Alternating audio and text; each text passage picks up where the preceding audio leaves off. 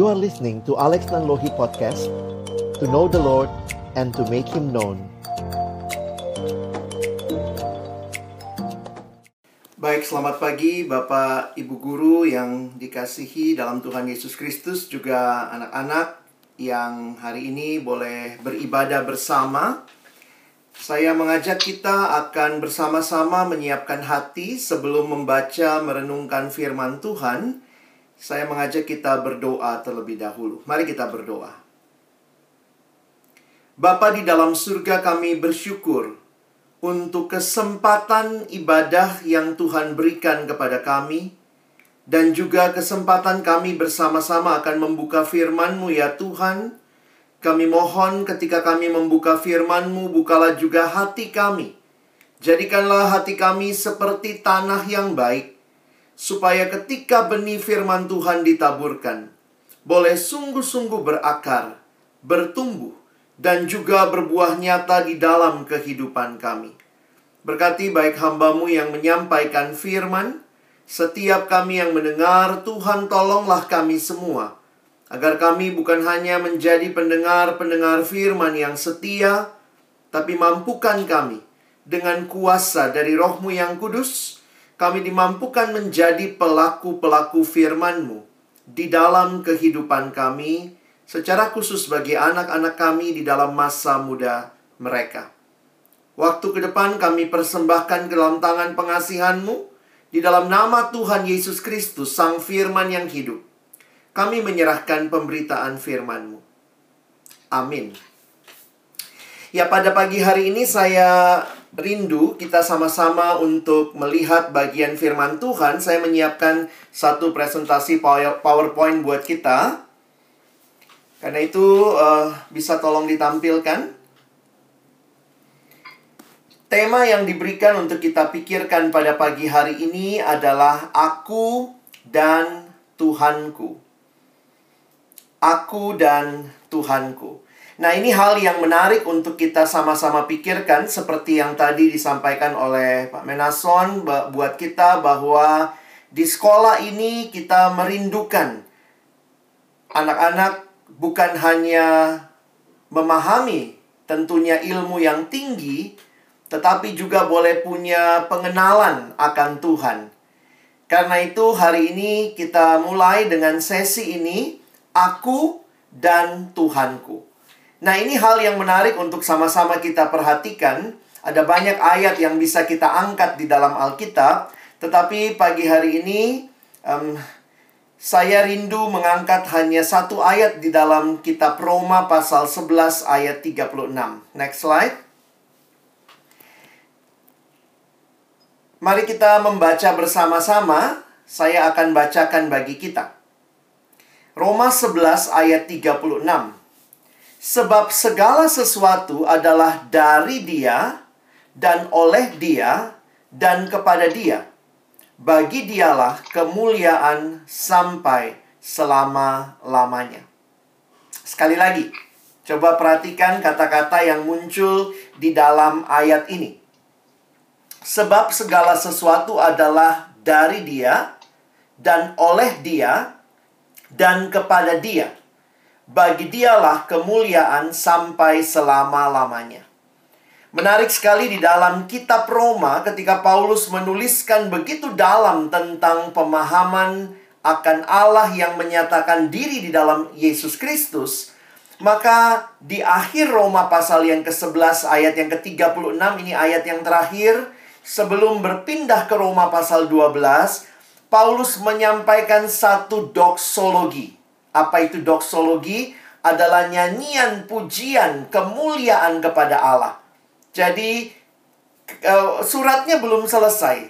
Surat Roma itu sampai 16 pasal, tetapi ketika sudah menguraikan begitu dalam tentang Allah yang adalah juru selamat di dalam Kristus, maka kita melihat Paulus seolah-olah berhenti sejenak dan menaikkan pujian kepada Allah dan ini bagian penutup akhir dari pujian uh, Paulus dia mengatakan sebab segala sesuatulah dari dia dan oleh dia dan kepada dia.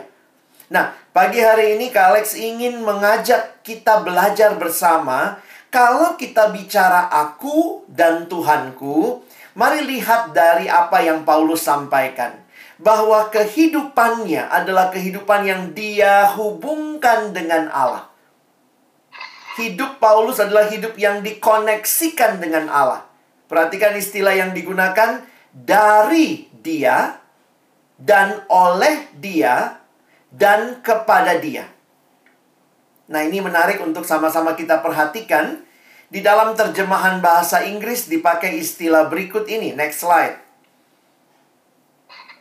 Nah, ini di dalam bahasa Inggris dalam terjemahan New International uh, Version for from him and through him and to him are all things.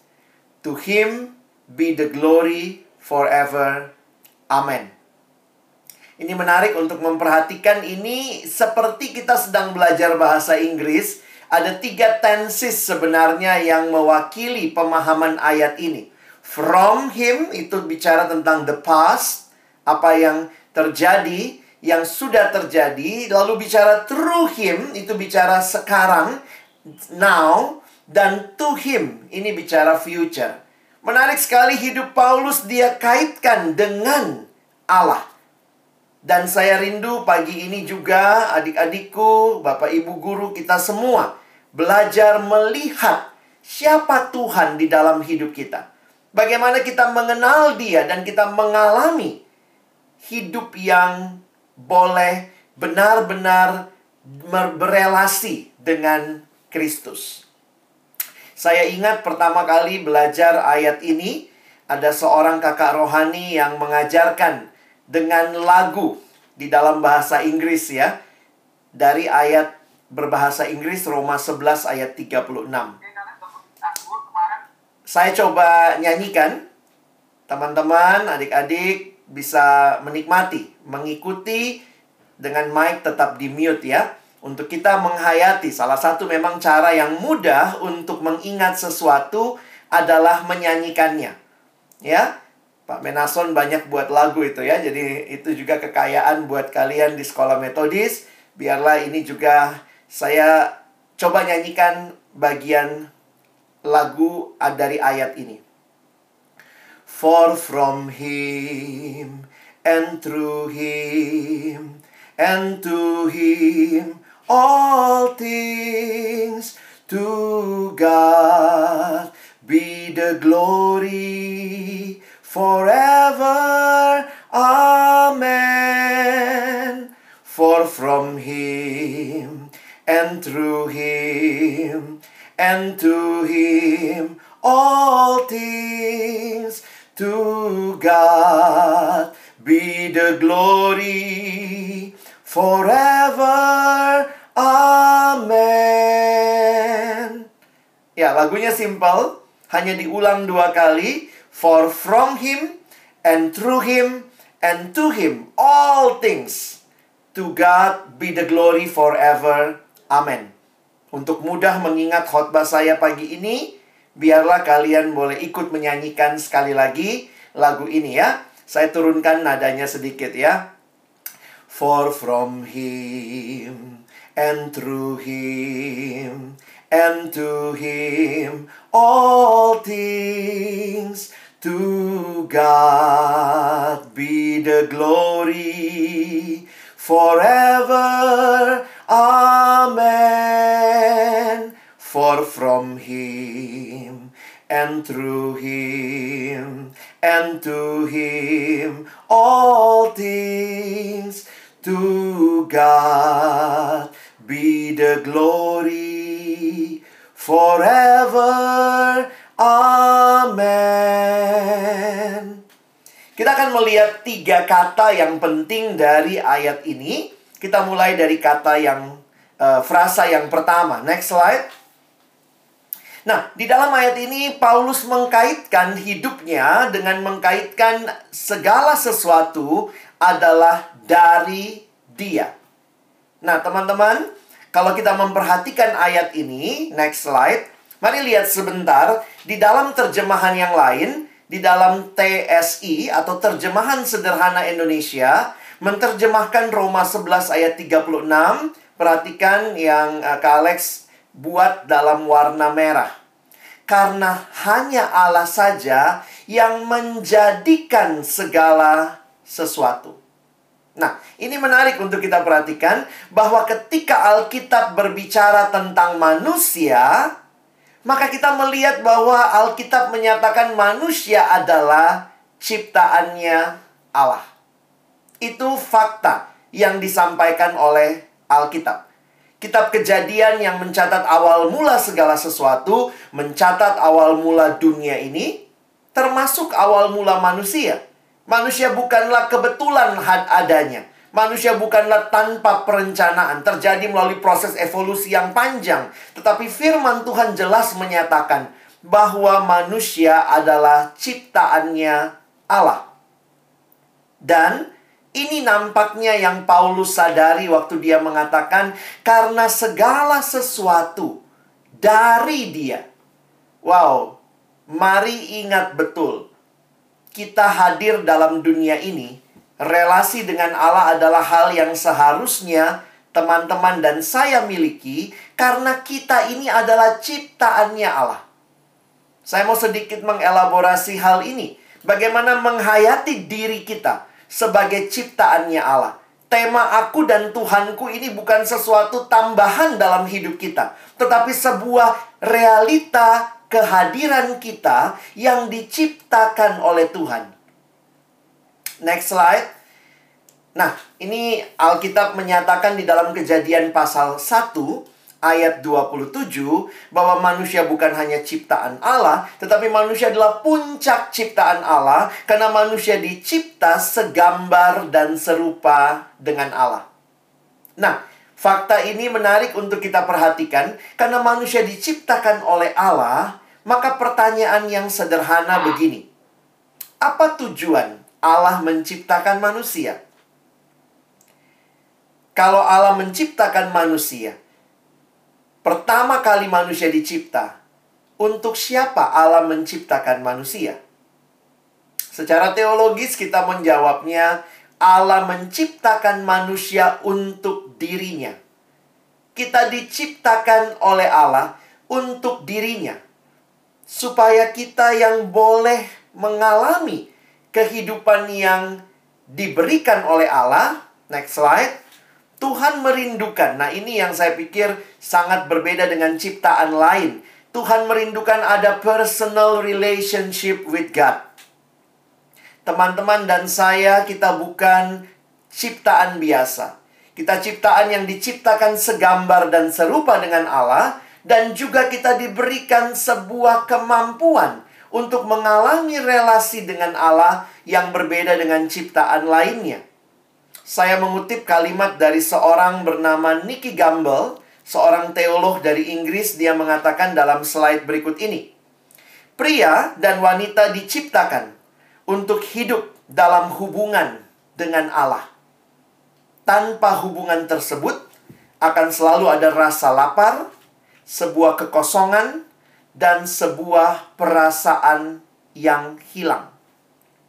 Perhatikan, saya sengaja memilih gambar ini, gambar yang mengingatkan kita, ini katanya generasi colokan gitu ya. Apalagi kalau kita belajar dari rumah begini, HP mesti di-charge, laptop mesti di-charge. Kayaknya paling takut kalau lagi belajar tahu-tahu uh, HP HP-nya baterainya habis dan seterusnya.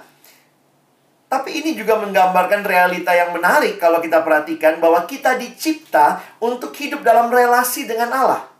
Dan bayangkan, ketika manusia merasa tidak membutuhkan Allah, sebenarnya itu adalah sebuah kehidupan yang digambarkan selalu ada rasa lapar, selalu kosong dan ada sebuah perasaan yang hilang. Aku dan Tuhanku bukan basa-basi. Ini bukan tema kosong, tapi ini adalah kebutuhan dasar kita yang adalah ciptaan yang dicipta oleh Allah, dicipta untuk berelasi dengan Allah. Karena itu, boleh lihat di next slide. Tidak ada satupun hubungan manusia yang dapat memuaskan. Perhatikan, Kak Alex khusus menggarisbawahi, tidak ada satupun hubungan manusia yang dapat memuaskan atau yang dapat terus bertahan. Selalu akan ada sesuatu yang hilang. Itu karena kita diciptakan untuk hidup di dalam hubungan dengan Allah. Teman-teman, dua hal yang saya garis bawahi. Siapa yang bisa memuaskan kita? Ya cuma Allah. Hubungan dengan siapa yang bisa terus-menerus bertahan dan sifatnya kekal? hanya hubungan dengan Allah. Teman-teman punya orang tua, teman-teman punya teman, nanti satu waktu kalian mungkin juga berumah tangga. Saya mau tanya, ada nggak orang tuamu, sahabatmu, nanti suami atau istrimu yang tidak bisa mati? Wow, manusia pasti punya batas untuk hidup. Tetapi waktu kita menyadari kalimat ini, Kenapa ya kita selalu ingin relasi yang terus bertahan, terus bertahan? Sebenarnya ini mencerminkan bahwa teman-teman dan saya diciptakan untuk Allah yang bisa memberikan kepada kita relasi yang bersifat kekal dan memuaskan itu. Karena itu, next slide. Sekali kita memiliki hubungan dengan Allah, maka tujuan dan arti kehidupan akan menjadi semakin jelas. Saya harap kesadaran bahwa segala sesuatu itu dari Allah membuat kita pun juga benar-benar mencari Tuhan, menempatkan hidup kita di dalam Tuhan dengan serius. Teman-teman, kekristenan bukan sekedar bicara agama. Kekristenan bukan sekedar bicara ritual yang harus dilakukan, tetapi kekristenan sejati adalah relasi dengan Allah.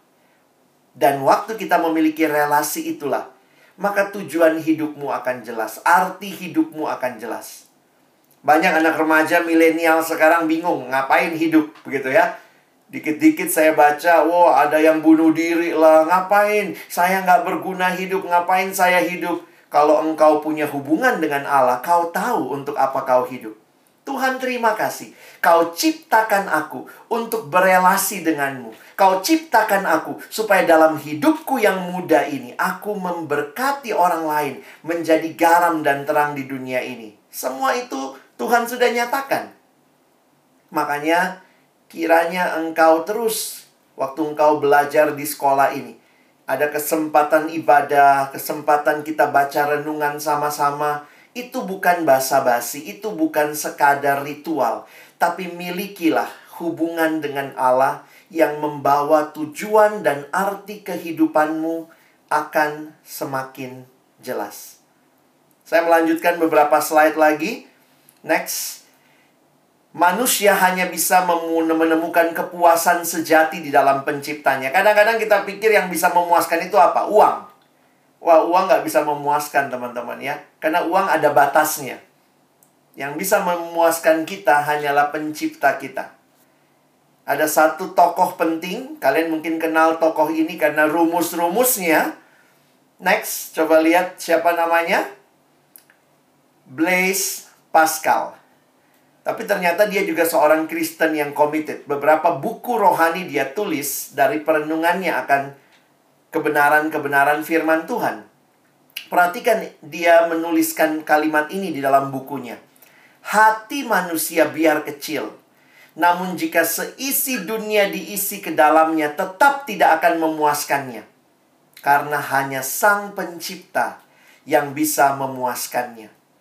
Teman-teman, kalau yang ngomong ini orang biasa, kita bilang, aduh, lu ngomong apaan sih? Kalau yang ngomong ini orang bodoh, maaf ya. Orang tidak terpelajar, ala lu ngomong lah karena lu bodoh aja jadinya Tuhan Tuhan begitu ya. Kayaknya karena karena nggak mau mikir ya udahlah Tuhanlah segala-galanya. Tapi waktu saya perhatikan ini orang pintar luar biasa. Tapi dengan rendah hati dia mengatakan yang bisa memuaskan hanya Sang Pencipta. Kiranya ketika engkau belajar hidup bertumbuh terus dalam kehidupanmu engkau bisa menikmati bahwa kepuasan sejati hanya ada di dalam Allah. Bisa tolong next slide? Maaf mungkin uh, apakah ada gangguan tapi nanti teman-teman bisa lihat ya. Saya menuliskan next slide di dalam pengkhotbah pasal yang kelima ayat yang ke-9 Bahkan pengkhotbah mengatakan, siapa mencintai uang tidak akan puas dengan uang. Dan siapa mencintai kekayaan tidak akan puas dengan penghasilannya. Ini pun sia-sia. Sehingga kesimpulan kita dari kata atau frasa pertama, segala-galanya dari dia. Next. Itu berarti kepuasan sejati tidak akan pernah kita dapatkan dari ciptaan. Baik itu seseorang ataupun sesuatu, namun kepuasan sejati hanya dari pencipta. Lihat ya, kategorinya beda. Ciptaan tidak bisa memuaskan secara penuh. Yang bisa memuaskan kita hanyalah pencipta. Aku dan Tuhanku, sekali lagi ini kebutuhan kita. Yang adalah manusia yang dicipta segambar dan serupa dengan Allah. Bukan horizontal ini yang horizontal itu kategorinya ciptaan. Bukan horizontal yang bisa memuaskan kita, tapi hanya vertikal. Hanya Tuhan yang bisa memuaskan kita. Ini bagian pertama. Yang kedua, next slide. Nah, di dalam terjemahan tadi yang kita baca, segala sesuatu adalah dari dia. Yang kedua, oleh dia. Apa sih artinya oleh dia? Bahasa Inggris tadi dalam lagu yang saya ajarkan menggunakan istilah through him. Jadi perhatikan ya, segala sesuatu dari dia, tetapi sekarang ini juga through him itu berarti ditopang oleh dia. Nah, ini menarik nih.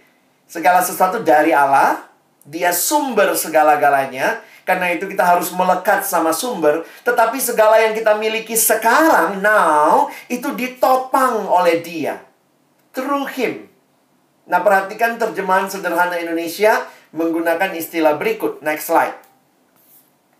Karena hanya dari Allah saja yang menjadikan karena hanya Allah saja yang menjadikan segala sesuatu. Nah, dan perhatikan. Dan segala sesuatu berlangsung melalui dia. Atau terjemahan lain, segala sesuatu itu ditopang oleh dia. Nah, jadi teman-teman, Bukan cuma kita ngerti, oh Tuhan sumber segala-galanya. Tetapi sekarang ini saya hidup sendiri, saya nggak butuh Tuhan. No. Kenyataan bahwa segala-galanya ditopang oleh Tuhan, ini membuat kita pun terus harusnya memiliki relasi dengan Tuhan di dalam keseharian kita. Next slide.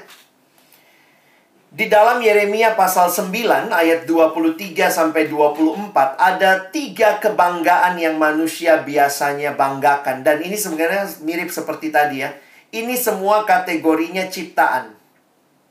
Makanya Tuhan mengatakan kepada bangsa Israel melalui Nabi Yeremia, "Janganlah orang bijaksana bermegah karena kebijaksanaannya. Janganlah orang kuat bermegah karena kekuatannya." Janganlah orang kaya bermegah karena kekayaannya. Teman-teman, tiga hal ini sebenarnya yang biasanya manusia banggakan dalam hidup ya. Kebijaksanaan, pintar, kekuatan, kekayaan. Kalau anak muda dua yang pertama ya, cerdas, kuat, punya fisik yang baik. Kalau kekayaan masih numpang orang tua ya. Tetapi bukan ini kebanggaan sejati. Ketika kita sekarang ini hidup, kita itu ditopang oleh dia. Karena itu perhatikan apa yang Tuhan katakan. Ayat 24. Tetapi siapa yang mau bermegah? Baiklah bermegah karena yang berikut. Bahwa ia memahami dan mengenal aku. Bahwa akulah Tuhan yang menunjukkan kasih setia, keadilan dan kebenaran di bumi. Sungguh semuanya itu kusukai. Demikianlah firman Tuhan. Ayat ini seirama saya pikir dengan Yeremia 17 ayat 7 ya. Next slide. Diberkatilah orang yang mengandalkan Tuhan. Diberkatilah orang yang menaruh harapannya kepada Tuhan. Jadi kehidupan ketika kita jalani keseharian kita, biarlah kita pun tetap melihat aku dan Tuhan ya Tuhan yang nopang kita. Teman-teman kamu bisa pintar, bisa bisa sekolah sekarang, bisa diterima, bisa kemudian punya akses online seperti ini, bisa ikut ibadah, bisa ikut orientasi, masa orientasi di sekolah, bisa punya orang tua yang punya biaya menyekolahkan kamu, bisa punya keluarga yang mengasihi kamu. Ini semua ditopang oleh Tuhan. Tuhan bukan cuma sumber, tetapi ketika semua yang adalah ciptaannya itu berlangsung saat ini, dia juga sedang menopang segalanya. Jadi di sini saya meng, me, apa ya mengingatkan kita jangan jangan butuh Tuhan sewaktu-waktu. Kita nggak butuh Tuhan sewaktu-waktu. Kalau mau ujian, mau ulangan, baru cari Tuhan. Ada pergumulan keluarga, baru cari Tuhan. Tapi karena Tuhan hadir saat ini, Dia menopang segala sesuatu, andalkan Tuhan dalam keseharianmu. Satu waktu saya ingat ada satu peristiwa ketika saya pagi-pagi datang ke kantor, lalu kemudian ada seorang adik yang kerja di tempat kami, pelayanan sama-sama, dia seorang perempuan, dia kos. Lalu pagi-pagi dia datang ke kantor, lalu dia bilang begini. Dia di kosannya itu ternyata pelihara ikan mas, teman-teman ya. Jadi pagi-pagi dia datang tuh dia bilang begini, Kak Alex, Kak Alex, tadi malam ikan mas saya bunuh diri. Begitu ya. Coba next slide ya. Jadi waktu dia cerita begitu kaget juga gitu ya. Oh, ikan mas kok bunuh diri. Maksudnya karena pagi-pagi dia menemukan ada dua ekor ikan masnya yang lompat keluar akuarium dan tergeletak di atas karpet di kamarnya dan mati. Jadi kemudian kami diskusi lah ya, kita diskusi agak bercanda. Oh ini mungkin ikan yang tidak disetujui relasinya oleh orang tua, lalu mereka lompat berdua begitu ya. Tapi secara sederhana yang kami temukan ikan itu bebasnya di mana, teman-teman? Coba kalau ada akuarium seperti di gambar ini, ikan itu bebasnya di mana? Di luar air atau di dalam air? Saya pikir sih orang juga pasti tahu ya. Ikan itu bebasnya di dalam air.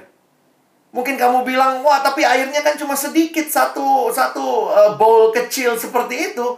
Tetapi itulah kebebasan yang sejati kebebasan yang yang mengalami kehidupan yang benar. Jadi walaupun mungkin apa ya, dia mungkin dia bilang, "Oh, saya ikan reformasi. Saya lahir di masa reformasi. Saya mau lompat keluar dari air." Maka waktu dia keluar dari air, sebenarnya ikan itu sudah MPP, mati pelan-pelan. Teman-temanku, kebebasan seperti apa yang kita cari? Banyak orang tahu sih ini sumbernya semua dari Tuhan. Tapi waktu menjalani, seolah-olah Tuhan stay out from my life. It's my life. Kita lupa bahwa sebenarnya mengandalkan Tuhan itu berarti kita terus berelasi dengan Tuhan, terus berserah kepada Tuhan. Aku dan Tuhanku bukan cuma karena Dia mencipta, tetapi aku dan Tuhanku karena Dia Allah yang hadir menyertai dan aku harus menyerahkan hidupku saat ini kepadanya. Kebebasan sejati bukan di luar Tuhan, tetapi di dalam Tuhan. Next, ada ayat yang Yesus ingatkan kepada murid-muridnya. Akulah pokok anggur dan kamulah ranting-rantingnya. Barang siapa tinggal di dalam aku dan aku di dalam dia, ia berbuah banyak. Perhatikan kalimatnya. Sebab di luar aku, kamu tidak dapat berbuat apa-apa. Teman-teman, waktu engkau menjalani studimu nanti, ingatlah Tuhan menyertai.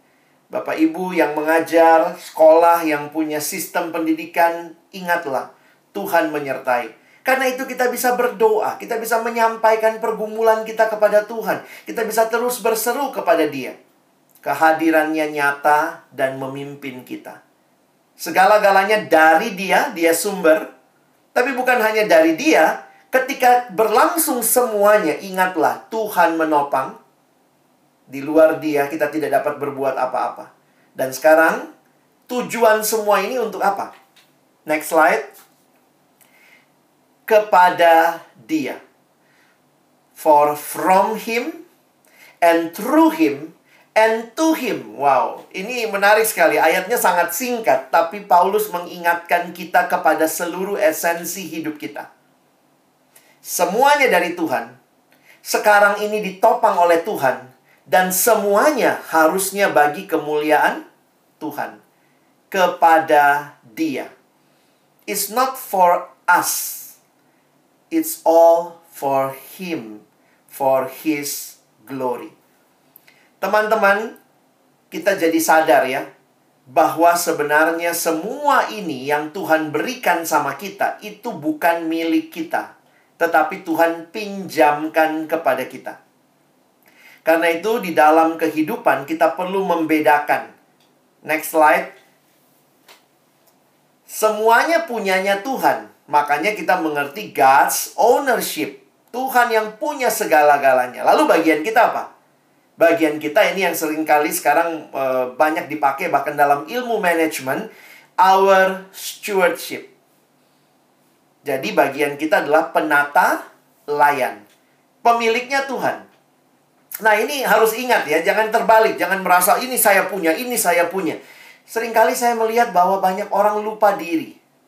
Dia lupa bahwa kepintaran yang dia miliki itu dari Tuhan, Tuhan pinjamkan waktu yang kita punya itu dari Tuhan. Tuhan pinjamkan.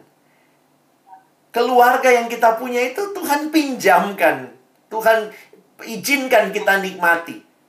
Nah, sekarang respon kita adalah bagaimana kita memaksimalkan, menggunakan, bahkan memberikan yang terbaik kepada Tuhan yang memberikan segalanya bagi kita. Di dalam Alkitab ada kisah tentang talenta. Ada yang dikasih lima, ada yang dikasih dua, ada yang dikasih satu. Hal yang menarik adalah apa? Itu bukan talenta milik hamba itu. Itu talenta milik tuannya. Tetapi selama tuan itu belum kembali, maka hamba itu harusnya melipat gandakan talenta itu, memakainya dengan baik, melipat gandakannya. Dan waktu tuan itu pulang, dia akan mendapatkan karena memang semuanya milik tuannya. Teman-teman, saya pikir ini cara pandang yang menarik untuk kita lihat hidup ya. Bahwa hidup ini benar kayak kata lagu ya, adalah kesempatan yang Tuhan berikan buat kita. Pakai dengan baik, pergunakan dengan baik, stewardship dengan baik.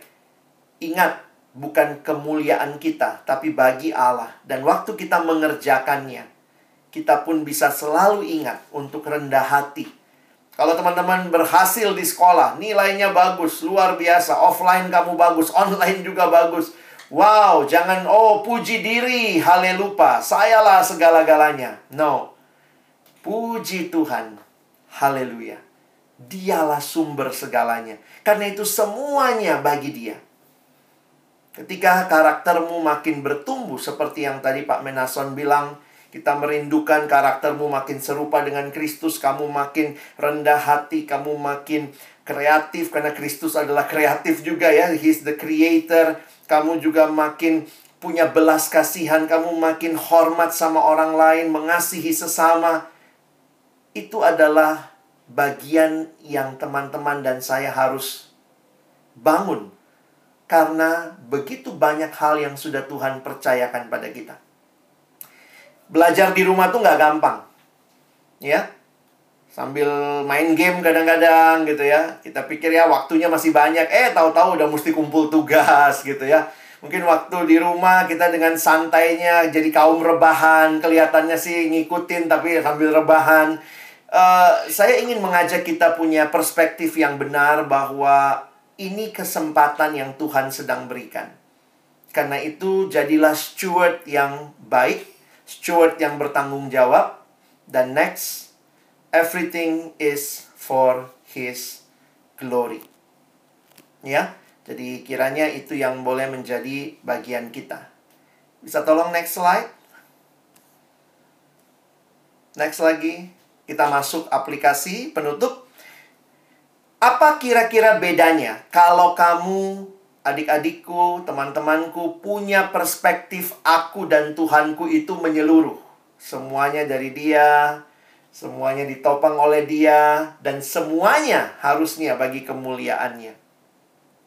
Saya pikir ada nasihat dalam kitab Amsal, next slide.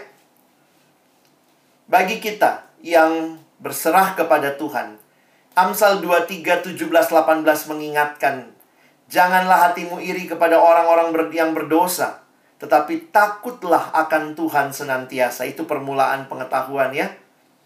Karena masa depan sungguh ada dan harapanmu tidak akan hilang. Orang yang sadar betul bahwa Tuhan adalah segalanya buat hidupnya, tentunya tidak akan main-main sama dosa. Nggak iri lihat orang berdosa. Iya enak banget ya. Jadi anak Tuhan malah nggak boleh nonton porno, nggak boleh malas, nggak boleh, iya enak banget dia orang berdosa. Bisa nonton porno, bisa males-malesan. No. Bagianmu dan bagianku yang mengenal siapa Tuhan yang sudah menyelamatkan kita, memberikan hidup yang baru kepada kita. Jangan iri lihat orang berdosa.